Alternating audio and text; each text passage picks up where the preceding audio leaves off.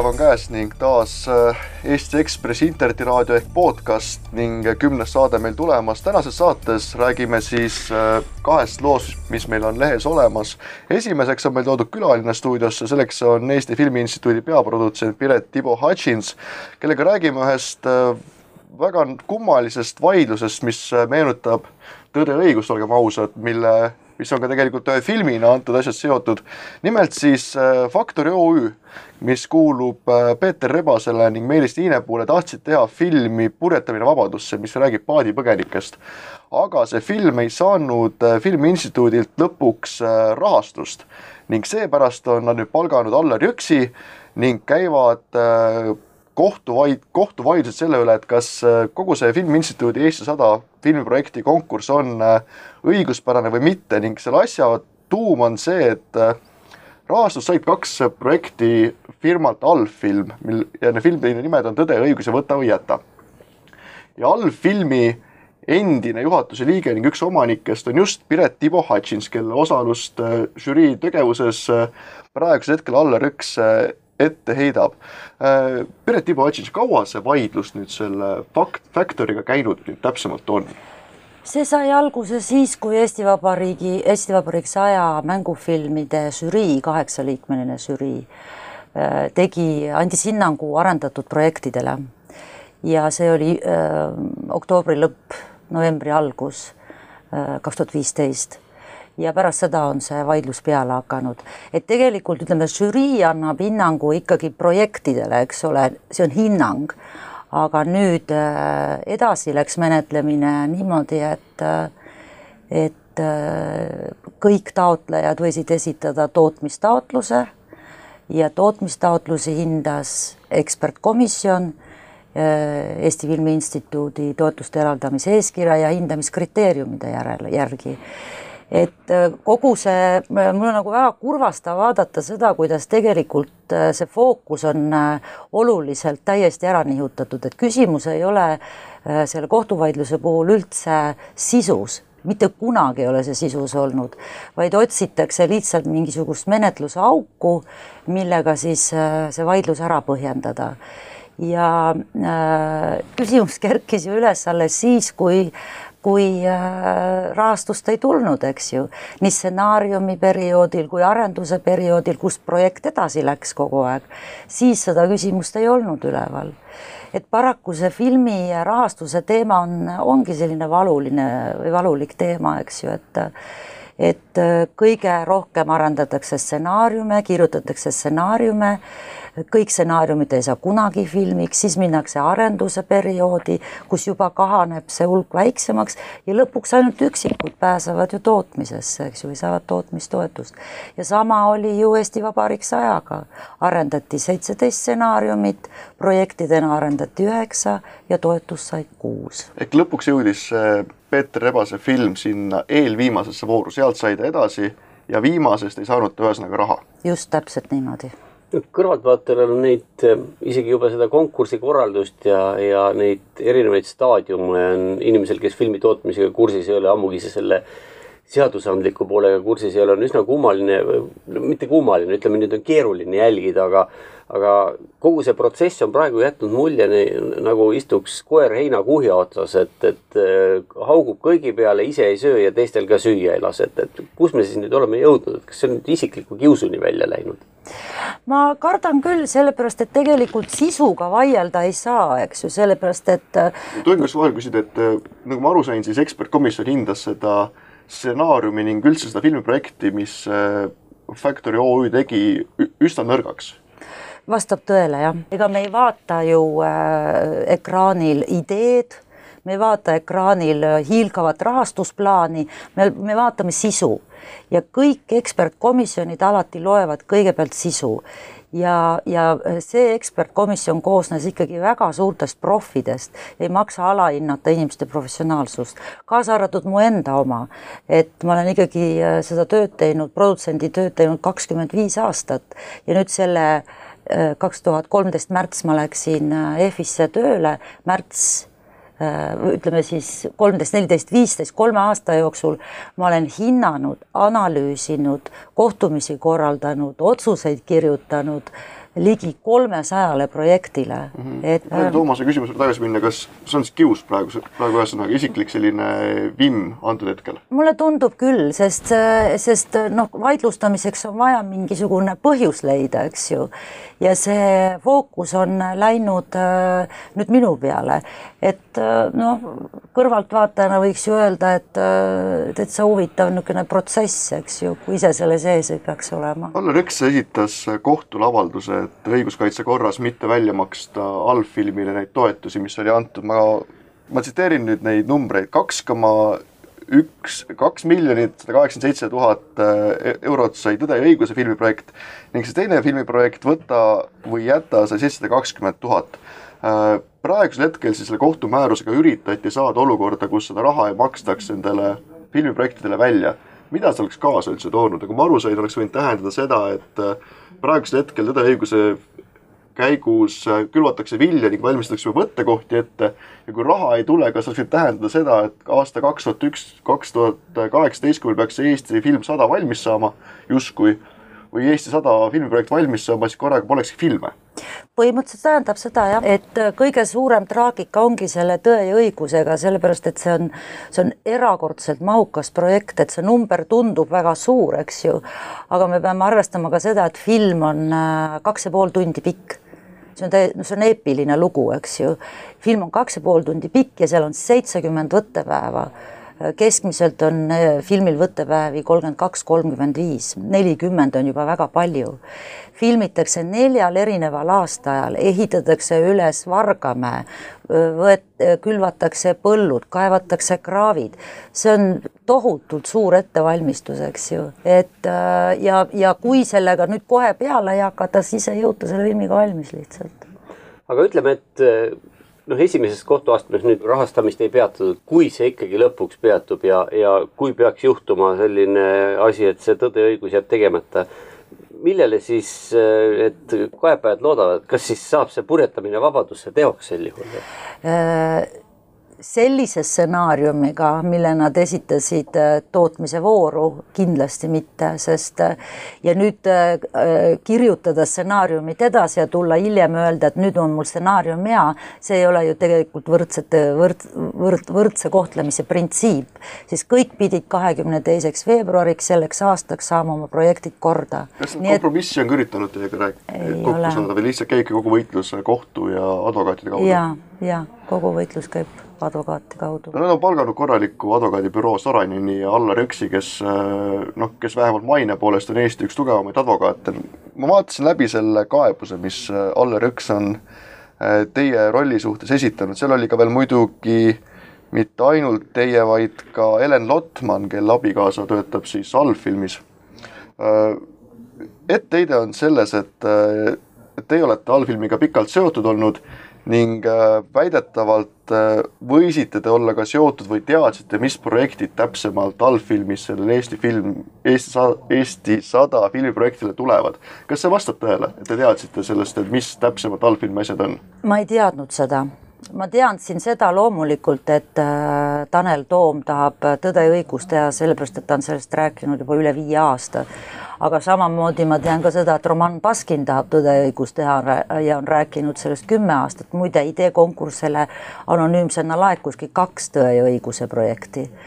Ehm, kui sa oled filmitööstuses, siis ideed ju liiguvad, ega, ega need, muidugi oli selle saja kuuekümne viie idee hulgas ka selliseid äh, suurem hulk, millest polnud keegi midagi kuulnud, eks ju.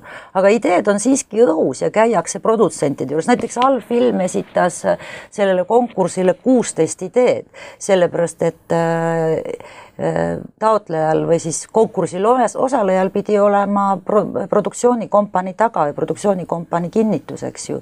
ja seetõttu kõik äh, filmistuudiod olid väga suures hinnas ja neid kõiki õngitseti, eks, eks ole, et andke meile huvikiri kaasa. et muidugi ma teadsin seda, et Tanel Toom äh, kirjutab ja tahab teha tõesti õigusest äh, filmi aga arvestage ka seda, et kui on stuudio, kus on mitu produtse-, produtsenti, siis iga produtsent tegeleb ise oma projektidega, see ei tähenda seda, et me kõik arendame nüüd kõigi projekte. see on väga individuaalne suhe on, ütleme, režissööri, stsenaristi ja konkreetse produtsendi vahel. ja üldiselt keegi teise töösse ei sekku, kõigil on iseenda asjadega palju tegemist.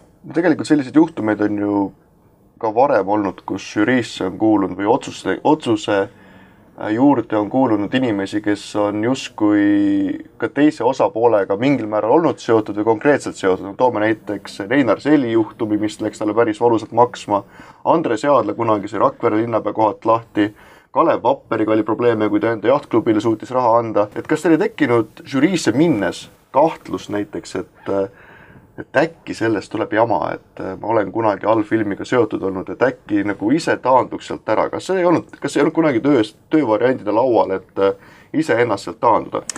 ma räägin, kuidas see asi tegelikult käis, proovin lühidalt, et äh, žürii tegelikult, seitsmeliikmeline žürii kutsuti kokku kaksteist, kaksteist, kaks tuhat kaksteist. Mhm. Äh, ja sellel ajal olin mina allfilmis ja Eesti Filmi Sihtasutuse toonase peaekspert oli Carlo Funk. Carlo Funk ja Carlo Funk läks nii-öelda EFI esindajaks või EFSA esindajaks mm -hmm. žüriisse, eks ju, olles ühtlasi ka äh, siis äh, žürii esimees mm, -hmm. kes ta oli lõpuni nüüd, kui äh, Carlo lahkus kaks tuhat kolmteist märts äh, EFI peaeksperdi kohalt ja mina läksin tööle märtsis sinna, siis äh, jäi see nagu ütleme, EFI esindaja koht vakantseks seal ja see pidi seal olema, sest kogu projekt on ikkagi hallata EFI poolt nii et mais lülitati siis mind sinna žüriisse kaheksandaks liikmeks. nüüd, kui te küsite, et kas ma oleks pidanud ennast taandama sealt või üldse sellele mõtlema, vot siin on, siin on niisugune psühholoogiline küsimus, et kas me, me suudame ikkagi mõelda teisest inimesest nii palju halba, kui me ise halvad oleme. et ähm, äh, ma ju teadsin, et ma tulen stuudiost, eks ju, kes on olnud endine kasusaaja ja seetõttu pidasin ma ikkagi oma äh, peasin ma väga vajalikuks seda, et ma oleksin ääretult objektiivne. Ja mulle tundub, et ma olen isegi olnud allfilmi suhtes ebaõiglaselt objektiivne. Ehm, tagantjärele me võime kõik targad olla ja öelda, et äkki oleks pidanud äh, lahkuma sealt ja kogu jama oleks jäänud olemata, aga ma kahtlustan, et siis oleks härra Niinepuu ja härra Peeter Rebane leidnud mingisuguse muu põhjuse, et seda äh, otsust vaidlustada, sest nende projekt on ikkagi selline, nagu ta on. ühe vea, mis siin lehe loos on, selle peaks ka nüüd ära parandama, ma saan aru, et see on tekkinud just nimelt sealt kohtumaterjalidest, siin on niisugune lause EV sada konkursi projektide lahkumise tähtaeg oli kahekümne üheksas aprill kaks tuhat kolmteist. Ivo Hutchins lahkus allfilmist kuu hiljem. Tegelikult kuu hiljem asusite sinna komisjoni sellele kohale ja allfilmist siis lahkusite kuu varem. ja, ja kust see viga tuleb, et nagu ma aru saan, siis äh, see tuli ühest teisest äh, ajalehest, mis on meiega rõõmsalt samal korrusel, jätame nime ütlemata, sest pärast on kolleegid pahased. aga kas see tähendab, pluss veel siis see juhtum, kus äh, toodi mängu Mary Jordan, Eerik-Niiles Krossi abikaasa, et justkui Eesti Filmi Instituut soosib ka välislepingute saamisel allfilmi, et kas see on selline no täielik meedia ja juristide sõda praegu kogu selle projekti puhul, et saada ikkagi sellele filmile puretamine vabaduses kuidagigi mingi rahastus taha muidugi on, sest äh, noh, nagu ma alguses ütlesin, et fookus tuleb lihtsalt põhi, põhiteemalt ära keerata ja, ja hakata ründama noh, muude külgede pealt, et see on hiilgav taktika. mis see meile toob kaasa, on see, et äh, jube raske on äh, oma põhitööd teha, sellepärast et mul on vaja ju taotlusi, mul voorud käivad, taotlusi on vaja edasi lugeda, komisjon on vaja edasi kutsuda, ma pean Eurimaagile minema, mis on suur kaastootmise fond, kolmkümmend kolm kahesaja leheküljelist projekti on selle jaoks vaja lugeda, et et ja et see on, muidugi on see sõda ja muidugi on see isiklik, kahjuks olen mina selles keskmes, et see on, ei ole, ei ole kerge. Kas sa saate lühidalt öelda, mis selle puretamises vabaduses siis nii kehvaks teeb või mitte kehv ei ole vist õige sõna, aga mis nõrk. nõrgaks, jah, muudab. no kas ta on umbes sama halb film, kui äh, võiks olla stsenaariumi mõttes, kui Täna öösel või Maga või ikkagi, või natuke parem? ei, ei saa võrrelda võrreldamatut, sest ütleme, teemalt on ta väga huvitav, eks ju, see paadipõgenike lugu, eriti see, mis puudutab nüüd äh, Äh, Rootsist edasiminekut mm -hmm. Ameerikasse, eks ju, väikse kipaka laevaga. see on ju potentsiaalselt väga äge äh, filmi idee, aga see on keeruline stsenaarium, sellepärast et äh, dramaturgiliselt tähendab see seda, et on üks grupp inimesi, väga erinevaid inimesi, kes on tegelikult kinnises ruumis, mis laev on, eks ju, mhm. väike laev on ja nad on igasuguste taustadega Äh, nii et kogu see, ütleme, see äh, dramaturgia pinge, äh, mis suhted seal on, need on kõik tegelikult jäänud väga esmasele tasandile. Ja seetõttu noh, stsenaarium on nii, stsenaarium on alles arendamata, seal on potentsiaali, aga ta on täiesti toorik. Mm -hmm. ja see nõuab väga head kirjutajat, sellepärast et see, see, see niisugune kinnise grupi teema on, on keeruline draamavorm. Äh, lihtsalt selle asemel, et aega ja raha kulutada kohtuvaidluste peale, oleks võinud äh, ka sealt novembrist veebruarini äh, kulutada aega ja raha hea stsenaristi peale. kui te rahast räägite, palju Filmi Instituudile kogu see kohtuvaidlus juba praeguseks maksma on läinud? ei, meil on, me, meil osutab koht, meile osutab juriidilist teenust advokaadibüroo Hedman mm. -hmm mis nüüd edasi üldse saama hakkab, nagu ma aru saan, siis praegu saite te võidu alles selles, et ei tule seda äh, kuidas see nüüd sõnastus esmast, esmast õiguskaitset ehk ei, ei peatata seda, kas nüüd vaidleb edasi. kas raha on võimalik see, et nüüd nendele filmidele ruttu nii-öelda jutumärkides ruttu raha kätte anda, et seda enam peatada ei saa? Äh, no me ei kiirusta, sellepärast ega me ei ole ju lepinguid kellegagi veel alla kirjutanud, meil ei ole veel lepingut isegi Riigikantseleiga tehtud.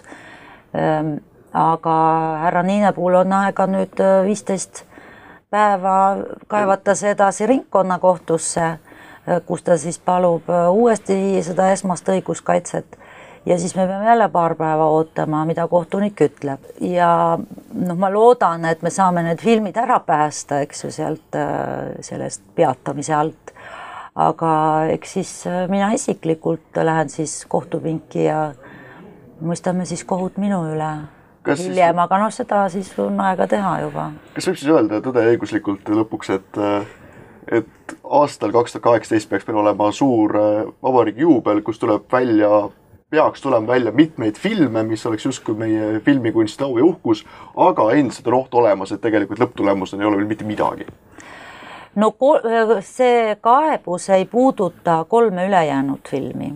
No, kolm filmi võime saada. kolm filmi võime saada, jah aga äh, Tõde ja õigus on ju ikkagi selline tüvitekst ja Tanel Toom, kes on stsenarist ja režissöör sellel filmil, äh, kirjutas sellest äh, hiilgava stsenaariumi, sest seda on püütud aastakümneid teha juba Tallinn filmi ajast mhm. peale ja kellelgi pole see õnnestunud, sest et maht on niivõrd suur.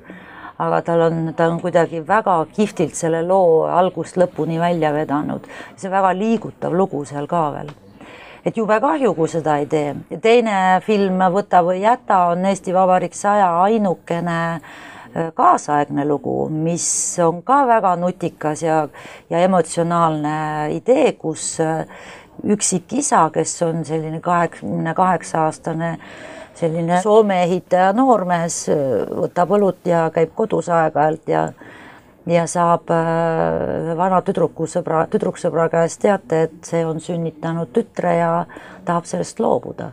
nii et see täiesti pilla-palla äh, noor mees otsustab lapse endale jätta ja nüüd me koos selle vastsündinud imikuga hakkame või maimukesega hakkame vaatama, kas tast sirgub isa sõna kõige otsesemas mõttes või mitte et selline, ütleme, pisikene draama, mis kasvab väga suureks emotsionaalseks looks ja väga palju ja väga kõnekaks looks meie praeguses ajas, mis on, mille vastu on muide suurt huvi üles näidanud ka soomlased, kes tahavad kaastoota seda filmi. kui nüüd hakata otsi kokku tõmbama, siis jällegi kõrvaltvaatajana jääb mulje, et Eestis filmi tootjate või ütleme, filmi tegijate seltskond on suhteliselt väike, kõik tunnevad kõiki, kõik on kõigiga koos töötanud, kõik on kõigiga tülli läinud kunagi vähemalt ühe korra, et kas üldse mingisugune filmikonkurss Eestis on võimalik niimoodi, et sealt suurt tüli ei tule? tuletagem nüüd meelde seda, kus kohas see tüli on tekitatud, see ei ole tekitatud filmitegijate poolt sest filmitegijad on äh, muide isegi saatnud meie nõukogule mind toetava kirja. aga etteheide oligi just see, et teie kui, teie olete nii-öelda iseendaga seotud olnud no ja nüüd me võime minna päris lolliks peast, eks ole, sest kogu Eesti ühiskond on omavahel äh, omavahel seotud, eks ju, ja ma pean ütlema ka seda, et noh, tegelikult äh, tuletagem ka meelde, kui palju ikkagi Eesti Filmi Instituut selle kahe või kolme aastaga on ära teinud, et Eesti film on ikkagi tõusnud väga kõrgele tasemele, vaataja arvud on suured, me oleme uue toetuskava cash rebate'i välja mõelnud, et no minu meelest on Eesti filmiga olukord hea, aga muidugi on raha vähe ja need, kes ei saa, on kibestunud ja, ja kurjad. Ja, ja noori tegijaid tuleb kogu aeg peale, aga meie eelarve on kogu aeg sama. et see vaidlus ei tule praegu üldse filmivaldkonnast, vaid see vaidlus tuleb väljapoolt no loodame siis, et aastal kaks tuhat kuusteist ei suuda paadipõgenikud Eesti tüvitekste Tõde ja õigust ära nullida ning tüli saab normaalse lõpu. aitäh, Piret Ivo Hutchins, et aega leidsite ning saate teises pooles tuleb meil külla Pekka Järelt, kes räägib äh, Vera Rajevskajast, kes ei tea, kes on Vera Rajevskaja, siis äh, tema tütar on kandideerimas Eesti presidendiks. nüüd on meil külla tulnud arhiivihunt Pekka Järelt, kes võttis kätte, kes Riigiarhiivis, et otsida infot sellise inimese nagu Vera Rajevskaja kohta. kes ei tea, kes on Rajevskaja, siis just tema on üsnagi ootamatult sattunud praegu presidendi kampaania, ei saa öelda vist keskmesse, aga sinna keskme lähedale. tegu on siis Marina Kaljuranna emaga, kelle kohta on välja otsitud siin erinevaid seoseid kommunistliku parteiga. üheksakümne aastane proua, kes siis äh, enda selle aja, selle perioodi, kui peaks olema inimese elus kõige ilusam aeg, veetis äh, sõja ajal Saksamaa vägede tagalas justkui Pekka, mida sa sealt Riigiarhiivist siis Vera Rajevskaja kohta ja tema noorusaja kohta leidsid? ma leidsin äh, ühe teise äh, Komarovka küla elaniku mälestused, et et Komarovka, kes veel ei tea, on üks väike küla, mm, mis kunagi oli Eesti Vabariigi piiriküla. see on siis jääb Setomaal ühesõnaga? ei, ei, see on Narva-tagune küla, et ta ei ole kaugel Hamburgist mis nüüd, nüüd on äh, muidugi Kingissepp, aga ma nimetan ikka seda Hamburgiks ja äh, õige nimega. et, äh, et ta on paarkümmend kilomeetrit Hamburgist ja, ja see küla üldse jõudis nagu eestlaste teadvusse laiemalt, jõudis ikkagi Vabadussõjaga. siis, kui, kui võiks öelda, et sisuliselt algas, Vabadussõda algas, algas ju seal lähistel et kui Viljandi kommunistlik ekskütipolk äh, siis ründas Eestit kaheksateistkümnenda, äh, tuhat üheksasada kaheksateistkümnenda aasta novembris, siis, äh, siis nende tagavara siis üksused ja kogu, kogu see varustus ja köök, kõik muud jäi just Komarovka, Komarovkasse. Ja, ja, ja, ja siis samast külast ongi, ongi siis Marina Kaljuranna juured ja, ja tema ema, siis tema tädi ehk siis Veera Rajevskaja ja Tamara Rajevskaja, nemad, nemad elasid ja eks sündisid selles külas. ja, ja neist äh, siis vanem oli, oli äh, selline naine nagu Antonina Kess. Antonina Kess äh, pani kirja tõenäoliselt kuuekümnendate aastate lõpupoole õigemini jutustas äh, äh, siis mälestuste kogujale, kes siis korjas teise maailmasõja ehk siis venelaste jaoks suure Isamaasõja mälestusi. ja tema rääkis selle loo, mis toimus siis Saksa okupatsiooni ajal Komarovka külas. aasta oli siis? nelikümmend, nelikümmend kolm, nelikümmend neli ja, ja niisamuti, niisamuti olid selles külas siis olid ka Rajevskajad kel ei õnnestunud, õnnestunud jõuda evakueeruda Leningradi. võib-olla see oli ka nende õnn neljakümne esimesel aastal, siis nad oleks vastasel juhul tõenäoliselt oht oli, et oleks nälga võinud surra mm -hmm. seal, mis oli vägagi tõenäoline. ja nemad, kuna Saksa väed liikusid kiiremini edasi, kui arvata võis ja tee Leningradi oli läbi lõigatud, siis nad pöördusid tagasi oma kodukülla Komarovkasse. ja, ja, ja siis sõja ajal oli Komarovkas äh, siis nagu, need võib-olla ei saa, võib-olla üks võis olla nagu laagri moodi ma ei oska öelda, kui palju seal neid sõjavange võis olla, aga võib-olla oli ka mingi väiksem punkt, sest näiteks, äh, näiteks seal oli, äh, oli ka naisvangide jaoks oli, aga see oli äh, vana piirivalve kordonihoone, mis seda ei saaks nimetada nagu suureks laagriks, et seal ilmselt oli suhteliselt vähe neid vange. Aga igal juhul seal olid ühel, ühes olid, ühes, ühes hoiti naisi, teises hoiti siis sõjaväelisi, kes on nagu vange langenud rindel mehi ja ja, ja siis äh, need vangid saadeti teetöödele ja teetöödele saadeti siis kohustuslik korraks ka külaelanikke, ehk siis ka siis äh, sinna sattusid ka, ka siis äh, seesama Antonina Kess mm. -hmm. ja, ja, ja Rajevskatest äh, samuti, äh, samuti olid need samadel teetöödel olid siis ne, neil nimetatud vangid. toimus tutvumine, nii ja ja siis äh, just see Antonina, kes tutvus seal äh, ohvitseri, leitnant Leonid Matvejeviga ja ja, ja, ja siis äh, eks siis seal areneski need, need usaldus vastastikune ja siis, äh, siis hakkasid üks külaelanikud siis hakkasid abistama neid vange. kas see käis siis niimoodi, et see proua Kess oli siis see, kes otseselt ja. suhtles sõjavangidega ja siis ta omakorda palus abi külaelanikeks, külaelanikud, kelleks no neid, keda usaldas siis... Äh, just, ma arvan, et perekond Rajevskaja, et, äh, siis sest no vanas kes..., vanas Vera Rajevskalam pidi kuusteist, seitseteist umbes sinnakanti, peab kiirelt arvutama. tuhat üheksasada kakskümmend viis oli sünniaasta, siis ta oli kaheksateist umbes, kaheksateist, üheksateist. Et põhimõtteliselt ikkagi täisealine. jah, ja, ja, ja kes oli, oli peaaegu nelikümmend nii et, et tema siis kaasas siis nooremad ja, ja eks see oli muidugi ohtlik mäng. mis oleks et... võinud juhtuda nendega, kui ütleme, kui oleks teada saadud, kas oleks kohe pannud seina äärde või oleks võinud, noh, kas oli konkreetne eluga riskimine? no kindlasti oli, kui nad oleks ainult toidupakke neile viinud, siis võib-olla oleks asi kergemini pääsenud. aga kuna nad toimetasid vangidele eh, siis eh, maastikukaarte selle piirkonna omi siis äh, Vera Revskaja hankis siis paar kompassi, olid kõik äh, mõeldud selleks, et vangidel oleks võimalik põgeneda.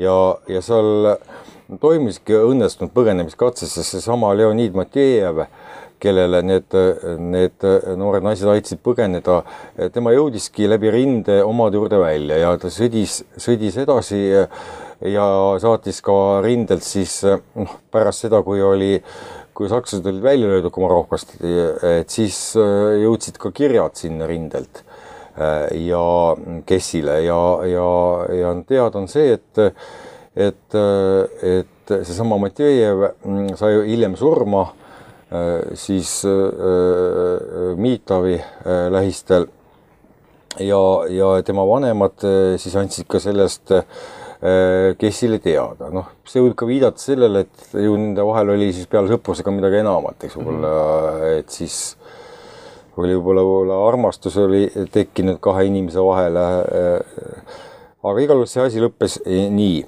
aga kahtlemata oli see väga ohtlik tegevus, sest ma arvan, et, et kõik täisealised oleks tõenäoliselt hukatud, kui oleks ja oht peaaegu oli, et nad oleks vahele jäänud, sest sest kui uskuda neid mälestusi, siis üks naisvangidest neljakümne kolmandal aastal igal juhul mm, tuli neid hoiatama, noh, kes oli noh, noh, ta ei olnud otse vabakäiguvang, aga, aga kuna ta käis parajasti hobustele vett vedamas, siis tal oli võimalik ilmselt äh, korraks minema lipsata ja siis ta käis hoiatamas just Kessi.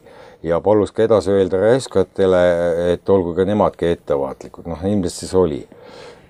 Oh.. see kuigi see tegevus oli ohtlik, siis ma olen täiesti veendunud, et Kess ja Rajevskijad ei olnud kindlasti ainukesed Eestis, et noh, vange oli ju sõja, sõjavange oli kõikjal Eestis põhimõtteliselt. Mm. -hmm ja, ja kindlasti paljudes kohtades neid aidati ja täpselt samamoodi oli ilmselt ka pärast, kui olid siin Saksa sõjavangid, siis neidki aidati. muidugi aidati ja see oli puhtalt, noh, ma arvan, et, et omal ajal kindlasti käsitleti seda kui, kui, kui siis mingit suurt kangelastegu ja ideelist tegevust. aga noh, mina arvan, et see oli puhtalt inimlik, sest noh, venelased on ikka aidanud omi ja loomulikult, eks, kui omad on hädas, siis aitad neid, eks, kus iganes. Ja, ja, ja tegelikult noh, minu jaoks siin on küll öeldud ja kirjutatud, et ta oli noh, parteis hiljem ja, ja kus iganes. Aga noh, samas, samas on Vera Reskal olnud ka väga huvitav elukäik, et kuna ta oli ju abielus, kas siis abielus või lühikest aega oli igal juhul Marina Kaljuranna, eks isa oli, oli teisel poolel sõdis, mis tähendas seda, et kui oleks tegemist ideelise kommunistiga olnud või sellise väga suure parja-, partei karja-, karjeristiga, siis ta poleks eluilmaski ilmselt äh, hakanud äh, kokku elama ja veel no ütleme, lapse sa saada, siis ütleme äh, Äh, nende ideoloogilise fašistide pool võidelnud, nagu fašistiga, noh, et äh, sisuliselt nõukogude ajal neid kutsuti fašistideks, nii et, äh, et mis näitab, et nagu et kõik ei ole nii mustvalge ja lihtne, et sinu arvates siis praegune see meediakampaania, mis on justkui selle Marina Kaljuranna vanemat teemal üles tõmmatud, on ühest küljest ka tegelikult no ei taha öelda harimatus, aga lihtsalt see, et ei, ei mäletata või ei taheta mäletada seda, et äh, kui komplitseeritud sellel ajal see elu oli. no ei taha, noh, eks see oli muidugi poliitiline kampaania, eks äh, selge see. ja, ja muidugi teiselt, teiselt poolt, et need karjud muidugi ei pruugi kaduda üldse seda, et seda, et mis elu nagu tollal oli, aga, aga teistpidi ka seda, et, et tegelikult see, võib-olla see Kaljuranna perekond on hea näide mm, väga segasest ja keerulisest ajaloost, mis meil on olnud. kuidas nagu perekonnad on siis täiesti kas siis äh, lõhki läinud, ei ole kõik nii puhas mustvalge, et noh, et ühed on punased, teised on, eks, on siis valged, et, et on olemas ju vahepealsed toone, kõik erinevad, eks noh, et seesama lugu just, et äh, ühelt poolt, eks naine aitas siis Nõukogude sõjavange ja, ja siis tema tulevane mees sõdis just, just sakslaste poole ehk okupantide poole, eks, kuigi ka sunniviisilt sinna mobiliseeritud, aga Vene ajal äh, ei olnud, see ei olnud erilist mingit vahet, kas sa sattusid sinna vabatahtlikult või sunniviisilt, noh, selles mõttes ikka fašist olid paljude jaoks. Ja ma arvan, seal Komarovka külas eriti veel, eks noh, sealses äh, keskkonnas, eks nii et, et selles mõttes on ta, on tegelikult ta väga hea näide Eesti keerulisest ajaloost. kui nüüd Vera Rajevskajast edasi vaadata, mis tast sai, ta töötas Eesti ministrite nõukogu asjade valitsuse esimeses osakonnas, mis tegeles salajaste dokumentidega, noh, salajane tollal tähendas hoopis midagi muud kui praegu, et noh, siis olid salajased ka näiteks see, et kui palju mingis mm -hmm. rajoonis lehmad piima näiteks lüpsid, et noh, see on näide no.. aga kui juba inimene sellises kohas töötas, noh, paratamatult talle jääb tänapäeva niisuguse nüüd on ajaline distants on nii pikk, et väga vähesed teavad, mis tegelikult toimus, et jääb selline kommunisti pitser on nagu küljes, aga tegelikult see on ju sisuliselt ei pidanud ta ju selleks mingisugune ideeline kommunist olema, et seal töötada. ei, muidugi mitte ja noh, eks ma arvan, väga paljud astusid eks siis pärast sõda, eks parteis, no mis põhjustel, ma ei tea, seda peab küsima Vera Revskaja käest, et miks ta astus komparteisse ja tema vanus oli selline hakka..., et tegelikult viiekümnendate aastate alguses tõenäoliselt oli ka väga raskene karjääri teha, ilma sa ei astu kuhugi. kes astus parteisse viiskümmend seitse, lihtne tööline oli, eks, ja, ja, ja, ja siis Tamara Revska samuti, eks, parteis. aga no mis puutub siis esimesse osakonda või millest on nagu palju räägitud, et tegemist, et, et kuna olid saladused, järelikult oli see KGB käepikendus ja kõik nii edasi.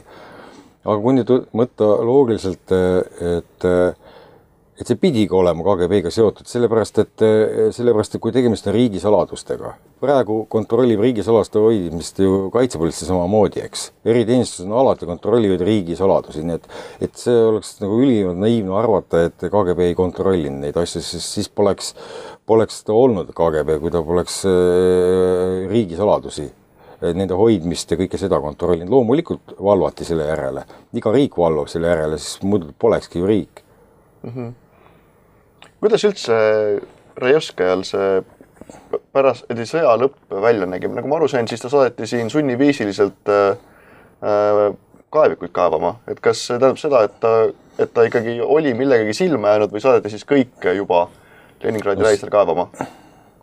no Narva äh, juurde muidugi saadeti äh, elanikke, korjati kokku, sest äh, keegi pidi ju neid kaevikuid kaevama, et see ei ole, minu teada küll see ei ole seotud sellega, et, et kas keegi oli, oli selline või, või, või Tallinna kõike saadeti ja kes kätte sattus palju, siis saadeti ju kaevikuid, kaitseliine kaevama ja see on ju neljakümne esimesel aastal ju äh, saadeti ju äh, samamoodi ju kohustuslikul sunniviisiliselt äh,, kui Saksa väed lähenesid, eks Tallinnale äh, ju saadeti samamoodi, eks elanikke saadeti ju kaevama, eks äh, mingid kaitse, kaitserajatisi, äh, et see on, see on tavaline. mõlemad pooled tegid seda.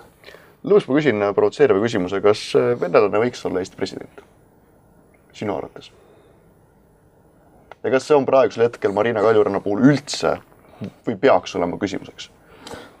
ma, ma vastasin sellele osalt äh, oma eelmise nädala looga, kus ma kirjutasin venelastest, kes, kes teenisid äh, Vabadussõjas Vabadusristid näiteks äh, ja, ja siis ka kindralitest, kes olid päritolult puhtalt vene, venelased, näiteks Nikolai Pazõkovek, Nikolai Reek, kes oli ju Eesti Vabariigi kindral ja mitte sugugi halb äh, sõjaväejuht Vabadussõjas ja hiljem ju, eks oli. ja, ja, ja kui oli neid venelasi ei olnud sugugi vähe, kes Vabadusristid said, et siis, siis mm, siis ma, ma arvan, et äh, ei peaks sellist küsimust üldse tekkima, loomulikult loomulikult kõik sõltub ju sellest inimesest, kes ta on, et noh, ma arvan, et iga eestlane või ükskõik mis rahvusest eh, inimene ei, ei kõlba ka ju eks presidendiks, kui ta ei ole seda väärt, eks. noh, me vaatame, me ei saa ju eristada rahvuse järgi, noh, et siin jah, mõni partei või, või, või seltskond hea meelega näeks, et, et oleks ainult puhast verd eestlased ja ja aga noh, see on ju tegelikult ka musta huumori valdkond, et, et et kui EKRE seda seda välja tõi selle, siis noh, kui vaadata nende enda sugupuud, siis, siis ega sealt pole ka ju puhas, puhast verd eestlane, nii et puhta eest-, eestlase otsingud on üldse väga keeruline tegevus, ma arvan. no selge, suur aitäh, Pekka, et aega leisid. tänases saates käisid meil siis Piret Ivo Hutchins ning Pekka Erelt. üks rääkis filmiprojektidest, mis võivad meil olla suures ohus ning teine rääkis sellest, et kes oli Marina Kaljuranna ema. täname teid kuulamast, saate lõppu paneme siis veel ühe loo ka meie tänavuse, tänase lehes arvestatud plaatide pealt ning kasutan siin äh, enda õigust ning panen mitte nädalalbumi, vaid panen sellise plaat, albumi nagu Taiv laulu Luu Sense lõppu, mis on lihtsalt väga hea laul. Toomas, on sul midagi öelda? Kuulmiseni järgmises saates. suur aitäh teile ning äh, kohtumiseni